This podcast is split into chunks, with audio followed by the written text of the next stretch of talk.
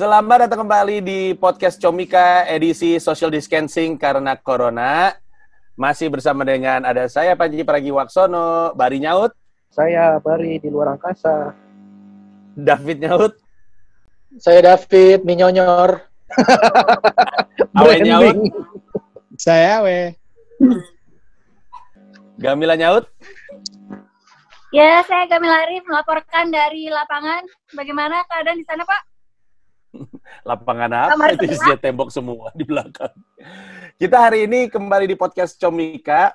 Ini adalah edisi penuh perjuangan karena dilakukan dengan teknologi dan koneksi internet yang demikian adanya. Tapi kan kami kan berkomitmen untuk menghibur masyarakat mumpung lagi di rumah saja. Nah, topik kali ini yang akan dibahas oleh gue, Bari, David, Awe, dan Gamila adalah apa yang terjadi dengan komika-komika Indonesia seti- seandainya mereka bukan komika. Misalnya stand up comedy tidak pernah masuk di Indonesia. Kira-kira nih mereka ngapain gitu kehidupannya. Nah kalau misalkan gue mulai dari gue, kan nggak asik ya. Maksud gue udah jelas. Gue mah kalau nggak ada stand up comedy ya gue masih nge-rap. Eh, Jauh sekali saya dari kehidupan saya yang sekarang karena sampai dengan hari ini pun rap saya tidak ada uangnya. Paling gue masih ngambil job TV, ya kan? Masih kena deh, masih hole in the wall. Nah, yang menarik nih kehidupan teman-teman saya nih.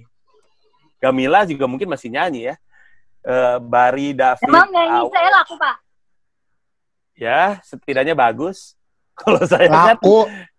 Tahu nggak yang Yalah. bikin Tega- Temila nggak laku? apa? Apa? Karena Temila setengah-setengah. Gokil. Coba kalau itu harus gitu kayak gua harus jadi penyanyi nih. Kalau enggak anak gua mau makan apa? Jadi. terdesak keadaan. tapi waktu itu anak-anak mencoba hidup dari album rap gue, tapi nggak bisa juga, we. Eh, enggak kan kita ngomongin Temila. Temi- Temila kan selalu ada lu. jadi dia santai aja. Oke, gue gua sebenarnya penasaran. Nanti kita kita ngomongin diri kita, habis itu kita ngomongin teman-teman kita yang kita tahu kalau bukan karena stand up sih udah nggak jelas kali hidupnya. Tapi gue sebenarnya pengen denger Oh, kita ceritanya mau David. Nurbianto. Ya nggak apa-apa juga. David kan soalnya waktu dia mulai stand up, apalagi di Suci ya, dia itu kan personanya kan sebenarnya ojek mantan mantan Tukang ojek. tukang ojek. Iya betul. Ya, Bahkan belum belum kuat di kultur Betawi ya kayaknya geser-geser deket-deket ke final deh kuat sebagai budayawan Betawi sahabat JJ Rizal. Tapi sebelumnya kan Tapi lo kalau kalau stand up tidak pernah ada di muka bumi Indonesia lo ngapain Fit sekarang Fit? iya di di samping yang udah banyak dicari di Google dan Wikipedia itu ada Google, ada tukang ojek, rent, jaga rental DVD, sempat kerja di KFC, pernah juga jadi sales eh, blender, macam-macam dah. Sales blender. Lucu bener. Iya, sales Itu blender. kata lucu. Sales lo dong, Blender. Pit, lo kenal sama dong. Siapa tuh? Itu dia the, the air blender. Avatar. Las Airbender maksud lu. Ini ada Waktu lu Jadi- jadi- blender kayak gimana Fit? Nah ini lucu dulu ada perusahaan sekarang udah nggak ada namanya gue inget banget nggak pernah lupa namanya PT Mitra Utama Global.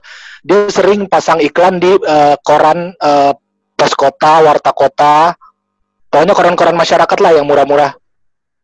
Nah ternyata itu doi rekrutmennya eh, agak semi-semi nipu sih menurut gue. Jadi dia tahu banget psikologis psikologis orang butuh kerjaan. Jadi kita datang jadi jadi kita naruh lamaran terus dipanggil ditelepon dipanggil interview udah gitu interview habis interview tuh masa ada ada tes namanya tes penjualan nah tes penjualan itu gue diharuskan eh, menjual produknya beberapa produknya. Salah satunya blender yang gue pilih. Karena ada kipas angin ada ada kompor gas ada mesin cuci dan lain-lain. Elektronik lah ya. itu namanya tes penjualan. Namanya tes penjualan katanya. Kalau kamu bisa ngelakuin barang minimal satu aja barang kamu akan langsung otomatis diterima kerja. Gitu Kayak premis film bokep tau? ya udah mau nggak mau. Iya terus ya udah mau nggak mau. Mau nggak mau karena gue butuh banget kerjaan ya udah akhirnya biar uh, jalan pintasnya ya gue nggak jual nggak jual ke orang-orang gitu nggak gue tawarin ke orang-orang. Gue beli aja sendiri. Ya iya gue bilang aja laku sama saudara gue saking gue butuh kerjaannya gitu pada saat itu. Jadi gue modal gue bayar untuk cari kerja seharga blender itu dulu mah masih murah itu dua ratus ribuan harga blendernya Harga lu dulu berapa? sembilan puluh sekian Penghasilan lu? apa Penghasilan dari nah ini blender? tuh belum belum selesai mas jadi dari setelah gua berhasil jual blender terus gua kerja di situ kerjaan gua adalah kembali menelpon orang dan menginterview orang terus nyuruh orang lagi untuk melakukan hal yang sama kayak yang gua lakukan dulu MLM dong jatuhnya ya. Anjing. anjing gua ngerasa ditipu di situ udah gua cabut Jadi nggak sempet ada duitnya tuh, belum ketemu duitnya tuh. yang yang yang enggak lah mas modal doang itu gua ngongkos nggak ada gajinya nggak sempet gua ambil Gak, gua nggak ngebohongin orang ya gua cabut itu Jadi terus ngeluarin yang nggak banyak gue ya iya yang nggak banyak gue ceritain ke orang adalah selain ojek dan yang lain-lain serabutan itu ini. Jadi sebelum banget sebelum banget gue memulai stand up open mic itu gue lagi berantem sama encang gue paman ya kalau di Indonesia kan paman. Gue dibilang nggak punya kerjaan dan pengangguran nggak jelas masa depannya.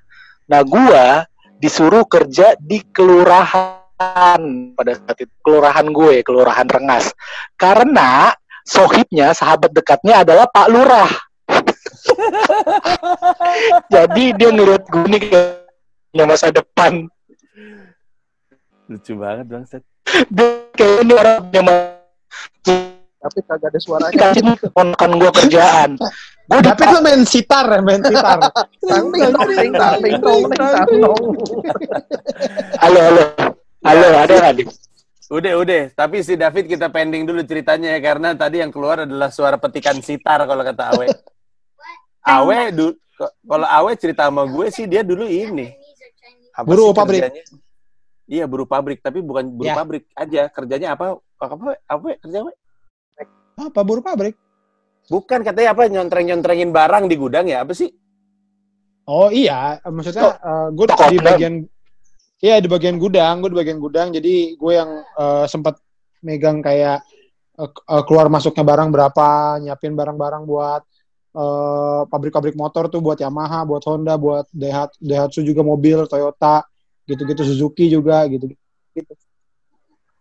Itu kalau nggak ada stand up, lu mungkin masih itu, ya? Eh, jadi gue tuh sebenarnya gue kan mulai stand up November 2011. Nah, sekitar Maret atau April 2012 tuh gue keluar keluar emang karena udah nggak betah. Jadi, nah itu stand up-nya pun sebenarnya belum belum apa-apa. Jadi gue tuh keluar bukan karena stand up gitu, tapi emang karena keluar aja. Jadi kayaknya kalau misalkan nggak ada stand up, gue kayak tetap keluar dari situ. Tapi mungkin sekarang kayaknya feeling gue, gue kerja sama kakak gue deh kayaknya. Kak- Kakak lu apa? Iya dia kerja di kerja dia di- kerja di sebuah kantor juga. Nah kayaknya gue eh, ikut di kantor itu kayaknya gitu ya. Tapi hasrat komedi kita kita tuh ke mana ya? Kayak kalau misalnya lu, lu, lu waktu di di dalam pabrik itu ber, melucui nggak? Kayak misalnya lagi stok opnam. Oh sangat Terus? Mas Panji. Jadi jadi eh gue di situ yang mikir ya bahwa semakin susah orang itu semakin mungkin untuk lucu menurut gue ya menurut gue. Itu makanya kenapa orang-orang kaya jarang lucu kan. Coba deh lihat yang orang-orang kaya banget itu kan mereka serius gitu karena mereka tidak butuh melucui hidup hidupnya untuk bahagia karena hidup mereka sudah bahagia. Nah orang-orang yang susah ini mereka tuh ibaratnya nih misalnya gue kerja ya dari di pabrik tuh ya dari jam jam 6 eh jam 7 pagi udah masuk, udah masuk kerja sampai jam 4 sore terus lembur sampai jam 8. Nah, itu kan capek kan, capek berdiri packing barang apa segala macam. Jadi si orang-orang yang kerja di situ tuh selalu berpikiran kalau gimana caranya untuk menghibur diri kita sendiri. Akhirnya tuh ngelawak-ngelawak gitu Mas Panji. Terus jadi itu kan gua kan di gudang banyak kardus waktu itu kan banyak kardus. Terus ada OB gue salah satu yang menurut gua sense sense main komedinya tuh oke. Jadi dia kalau misalkan gua tampol dia tuh reaksinya tuh kayak lenong gitu. Waduh, gitu-gitu. Nah itu itu biasanya ada bener lucu banget itu. Dia sampai tidur tiduran gitu. Jadi lucu banget. Gue seneng ini. Nah itu dia biasanya ngambil ngambil sampah itu jam tujuan malam gitulah. Nah kalau gua lembur gitu biasanya gue suka bikin pakai apa tuh pakai karton gue bikin eh, apa namanya jadi kayak golok-golokan gitu. Ntar pas dia datang ngapain lo ke sini lo gitu dia udah kaget. Nah ntar besokannya dia da besokannya dia datang bawa tombak gitu. Gitu. Beneran. Itu sebuah itu sebuah joke, sebuah sebuah apa ya kita menghibur diri sendiri yang cuman kejadian di situ. Kadang-kadang gua kalau lembur Sabtu Minggu itu kan kan pulang jam 4 ya jam 3 udah kelar gitu. Kadang-kadang gue bikin tuh dari kotak kotak apa namanya kotak kardus gitu, gue bolongin, gue pasangin ini jadi kayak gitar, terus gue ke bagian-bagian lain gitu, permisi, gitu gitu nyanyi. Sebenarnya intinya adalah menghibur diri sendiri sih gitu. Itu banyak lah ini iniannya nge- ngerjain orang, tau nggak? Sampai ada satu salah satu temen gue yang ngerjain ngerjainnya brilian banget. Jadi biasanya kalau di pabrik itu, di pabrik gue yang waktu itu, itu kita kalau punya minuman, minuman enak itu pasti laku lah, pasti laku gitu. Hmm. Terus eh, ditaruh kalau nggak salah itu di eh, botolnya kerating deng gitu, ditaruh di botol kerating deng gitu. Temen gue tuh. Terus udah gitu eh, ada satu orang datang nih dari bagian lain, datengin dia ngobrol-ngobrol-ngobrol-ngobrol, terus ada ada kerating deng di situ kan, dia nggak sadar. Terus datang temennya yang si punya kerating deng ini datang ini, wih kerating deng tuh, bagi dong gitu. Oh nggak boleh kalau lu mah, ini khusus misalkan ya, khusus yang anak-anak motor aja gitu. Nah yang yang datang ini anak motor, eh berarti gue boleh dong, boleh silakan. Begitu diminum ternyata bukan kerating deng. Dan mereka berdua itu mereka berdua ketawa. Jadi si orang yang nanya, eh kerating deng tuh boleh nggak? Itu itu adalah bagian dari komplotan. Brilian nggak? Kayak orang yang datang itu nggak akan minta kalau si orang ini nggak memulai dengan eh kerating deng tuh minta dong. Nggak boleh nih khusus anak motor. Eh, kalau gitu gue boleh dong. Brilian. Brilian. itu namanya Mas Manji itu jadi gitulah eh, apalagi gue juga pernah jadi eh, kenek gitu ya jadi nganter-nganterin barang itu juga di jalan tuh kenek sup- ketemu kenek dan supir lain tuh aduh jokesnya tuh aneh-aneh ngelucunya aneh-aneh gitu lah selalu menghibur diri sendiri aja Kalau Barry Williams kalau nggak ada stand up, Boleh Apa, nanya Mel? nggak? apa-apa Awet kalau misalnya, eh apa gue tuh paling ter yang di pikiran gue sampai sekarang gue belum belum ngerti tuh kenapa awet kalau misalnya eh yang no- jadi awet tuh kayak pernah bilang kalau bisa yang nonton jangan eh, teman-teman gue lagi atau pengennya tuh penontonnya orang baru orangnya kenal. Kenapa? Soalnya kalau lihat dari ceritanya kayaknya lu tuh justru butuh tetap kayak teman-teman sepermainan lu untuk untuk kayak saling membakar komedi lu gitu. oh, oh, kalau itu sih lebih ke satu penonton penonton umum lebih gampang dibikin ketawa. Yang kedua yang kedua adalah beban sih. Maksudnya eh, kayak misalnya gini ya gue ditonton Mas Panji gitu pasti gue ada keinginan untuk memperlihatkan yang sebaik mungkin. Jadi bebannya kan lebih ini. Itu itu mah dari dari sifatnya gue aja sih. Sebenarnya nggak tidak ada hubungannya sama apa gue gimana eh, zaman dulu gitu maksudnya itu sih lebih Oke. ke gue geser ke Bari ya. Bari belum cerita soalnya. Bari kalau misalkan nggak ada stand up, ngapain lu bar hari ini bar? Ngapain ya? Mungkin gue akan lulus di BSI. Iya, Akan apa lu bilang? akan lulus di BSI. Lulus. Emang lu kemarin nggak lulus? Tidak dong. Kan Lulus. semester, semester Dia cuma sampai B, cuma sampai B dia. SI-nya enggak.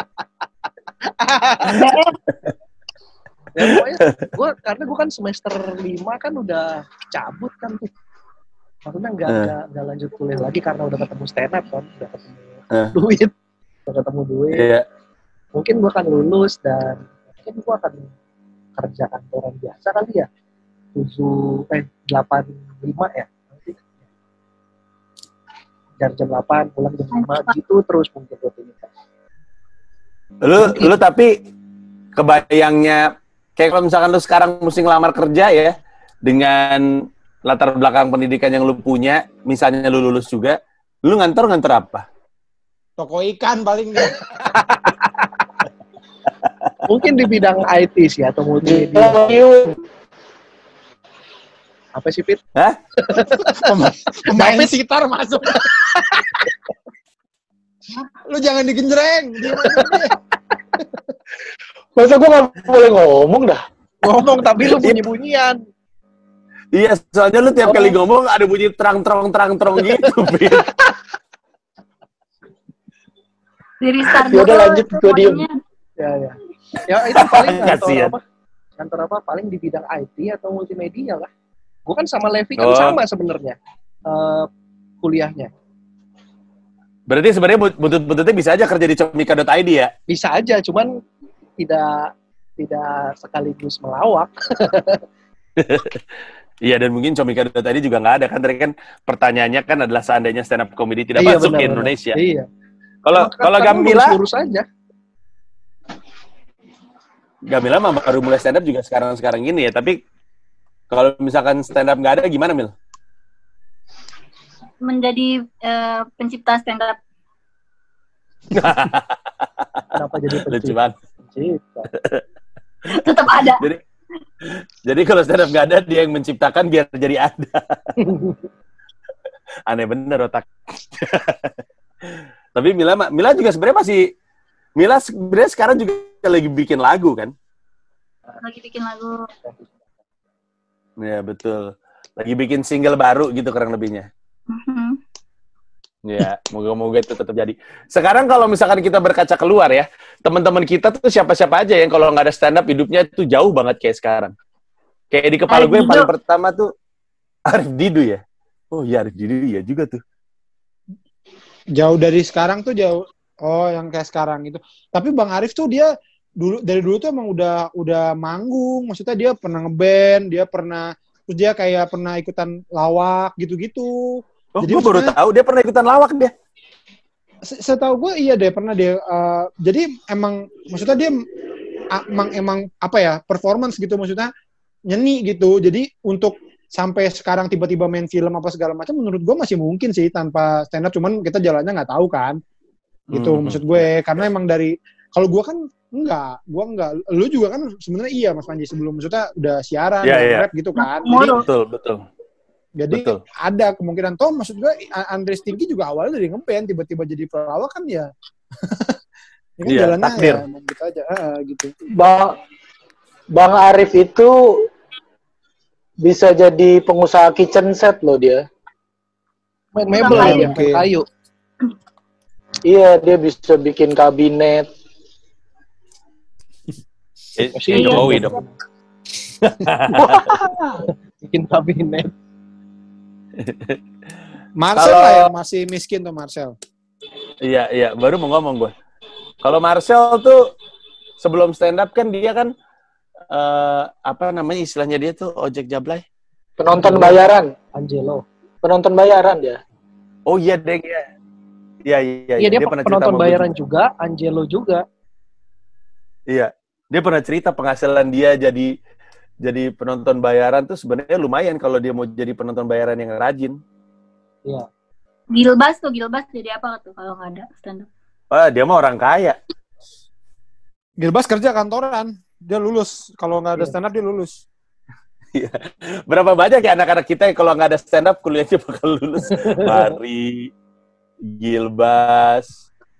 Sebenarnya tahu nggak? Yang gue juga curiga, kalaupun nggak ada stand up tetap entertainer. Uus tuh. Ya dia kan Iya. ya dia udah siaran juga soalnya waktu sebelum stand up dia udah siaran jadi Oh, jalannya iya udah benar, ada. Iya, iya. jalannya udah ada Yang yang pengen gue bahas tuh Ebel sebenarnya. Ebel tuh pasti aneh banget. Mungkin dia udah mati kali sekarang kalau nggak ada stand up comedy. Justru kayaknya enggak deh dengan mental kayak gitu kayaknya dia gak mati deh. Kayaknya dia orang yang diapain juga emangnya? gak mati. Nggak karena kan Ya. si Ebel kan Hidupnya susah aja, keras aja hidupnya dari dulu. Jadi udah udah biasa dengan ditempa apa pun ya udahlah. Iya, mentalnya kuat bener itu orang ngapa-ngapain. iya. Lah orang Kalau kerjanya yang aja. mantan kriminal ada nggak sih? Banyak kayaknya. Eh, Ada Ridwan, Ridwan Budiman. Ridwan, Jaktim. terima. tukang todong, Pit. Itu dia apa? Tukang todong. Ngeri banget bangsat. Tukang todong di Siapa lagi teman-teman kita yang kriminal ya? Bang Rahman. Emang iya, Ayah Parah. Rahman. Bang Rahman dulu dia cerita dia tuh kriminal. Dia berhentinya Preman tuh set- dia. setelah udah punya anak. Jadi dia inget Preman anak. Priuk. Preman Priuk. Bang Rahman Ada tuh satu juga, preman ya. ada yang namanya Rais tuh, yang kerja di Ketawa. Itu juga setahu gue tuh, kalau nggak ada stand up comedy, bandit tuh dia tuh. Kerjanya nemenin bapaknya jadi debt collector kalau gue nggak salah. Rais dulu ini pernah kerja di Dum Dum dia. Nah, Dum Dum tuh apa? Gimana? Dum Dum Taiti. Oh iya. Iya, Lucu makanya kan-. Dia kan cerita dum- gitu. dum, ya. Ambon masa narik teh bukan narik motor. Oh iya bener bener bener. Bener bener saya baru inget. Rais, Iya, bener. mantap. Iya, sama satu lagi tuh temennya ada stand up comedy namanya Setiadi Ilham itu juga kasihan banget tuh. Sampai diundang Awe ke rumah. Buat makan Iya. opor. Gue lupa deh, Awe mungkin dia bisa cerita si Ilham itu sehari-hari ngapain sih? Kayak misalkan kalau bukan stand up dia ngapain ya? Gak tahu gue ngapain, Bar? Dia ini eh, se- kalau sekarang sambilannya ngojek, apa Gojek. Oh iya sih. Iya bener. Kemungkinan besar semua stand up comedian yang kalau nggak ada stand up kayaknya ojol ya. Iya, Ojol paling mungkin. orang sekarang aja ada stand up tetap ojol. iya. Orang ada sekarang aja ada anak suci nge-grab siapa siapa? Eh yang waktu di suci ngeblank soal kue-kue Babab, kue Top kering. bab, Iya bener babab. banyak Top Pak bab. yang nyambi. Iya. Siapa yang lu tahu paling ekstrim hidupnya sebelum stand up? Pandu kali ya? Pandu Paling sama kayaknya mirip-mirip deh. Hmm, Pandu Winoto. Siapa yang bilang sama gue?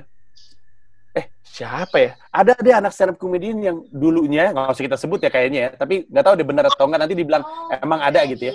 Stand up comedian yang dulunya itu jualan narkoba. Kenapa Ada sih berhenti? pasti. Tahu. Ngapain berhenti Anda? Ada, tapi kalau kita sebut sekarang ntar jadi DPO dia. Iya, tapi benar ada kan? Ya. Ada, ada. Jangan berhenti. Kasian. Apa yang berhenti? Jangan berhenti Jangan loh berhenti. kalau narkoba. Oh, ya susah bener Emang kehidupannya. kalau kalau yang dibahas ternyata yang dimaksud yang dimaksud Mas Panji itu eh, pergerakan eh, peningkatan ekonomi gitu ya dari yang tadinya sulit ekonominya jadi naik karena stand up gitu.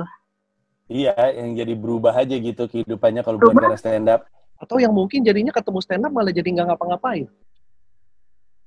Kayak siapa contohnya? Misalnya ya Asep Suwaji. Dulu kan ngantor enak kan, setahu gua kan dia di IT tuh Oh, iya, stabil.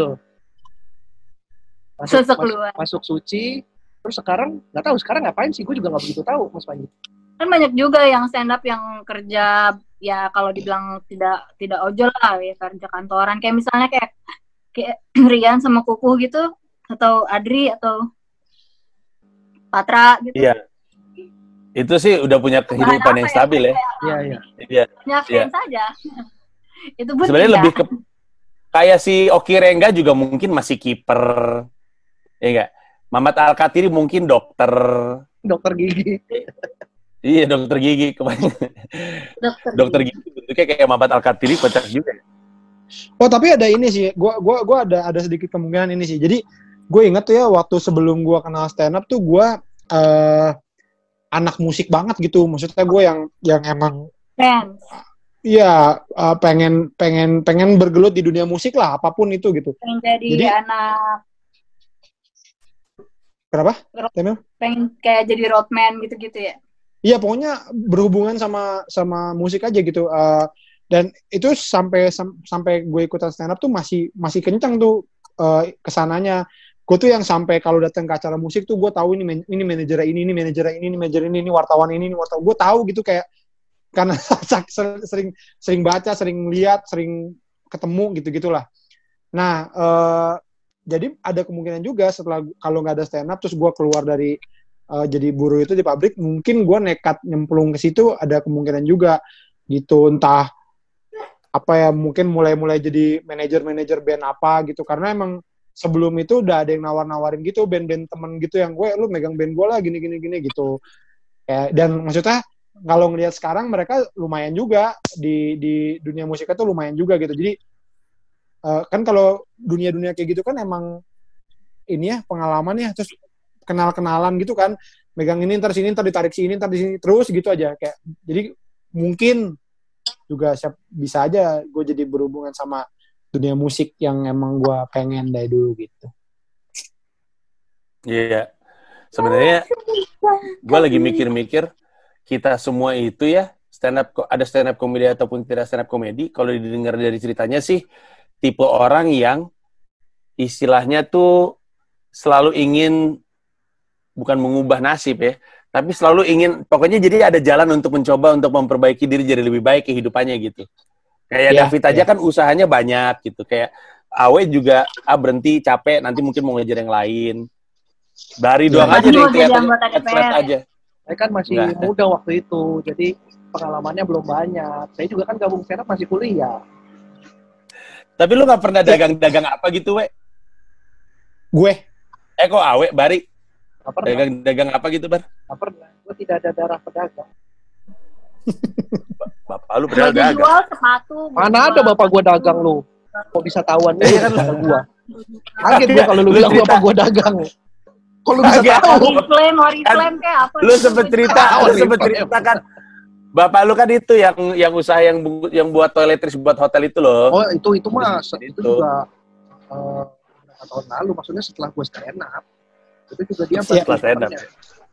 yang lucu tuh ini Mas Panji gue kan lu tahu eh, nonton 8 Mile kan Nonton. Ya waktu itu gue nonton 8 Mile kan itu masih gue masih masih kerja di pabrik gitu kan. Terus kan waktu di di 8 Mile itu kan ceritanya si Eminem itu kan dia kerja di pabrik kan. Iya betul, betul, betul. Iya, dia kerja di pabrik terus dia dia ter- terakhir tuh dia habis habis jam apa habis eh, rap battle gitu dia diajakin eh kita nongkrong lah nggak bisa nih gue harus balik harus balik ke pabriknya lagi untuk lembur kan. Iya, iya. Terus gue nonton itu sama temen gue terus gue nah pada waktu itu di otak gue kayak gila gue mungkin gak ya kayak gitu maksudnya ntar jadi sesu- jadi jadi sesuatu terus ngeliat tuh oh dulu gue pernah jadi karyawan pabrik gitu terus kayak sekarang kejadian tuh kayak ini lucu juga ya kejadian aja lucu banget aja. iya. Iya. Tapi berterima kasih lah stand up comedy hadir di Indonesia. Kita punya kehidupan yang kita jalankan sekarang. Mantap. Yes. Saya bisa keluar negeri gara-gara stand up. Iya, alhamdulillah. Setiap orang, setidaknya kita melakukan sesuatu yang Ada nilai moralnya ya Mas Panji acaranya ini ya.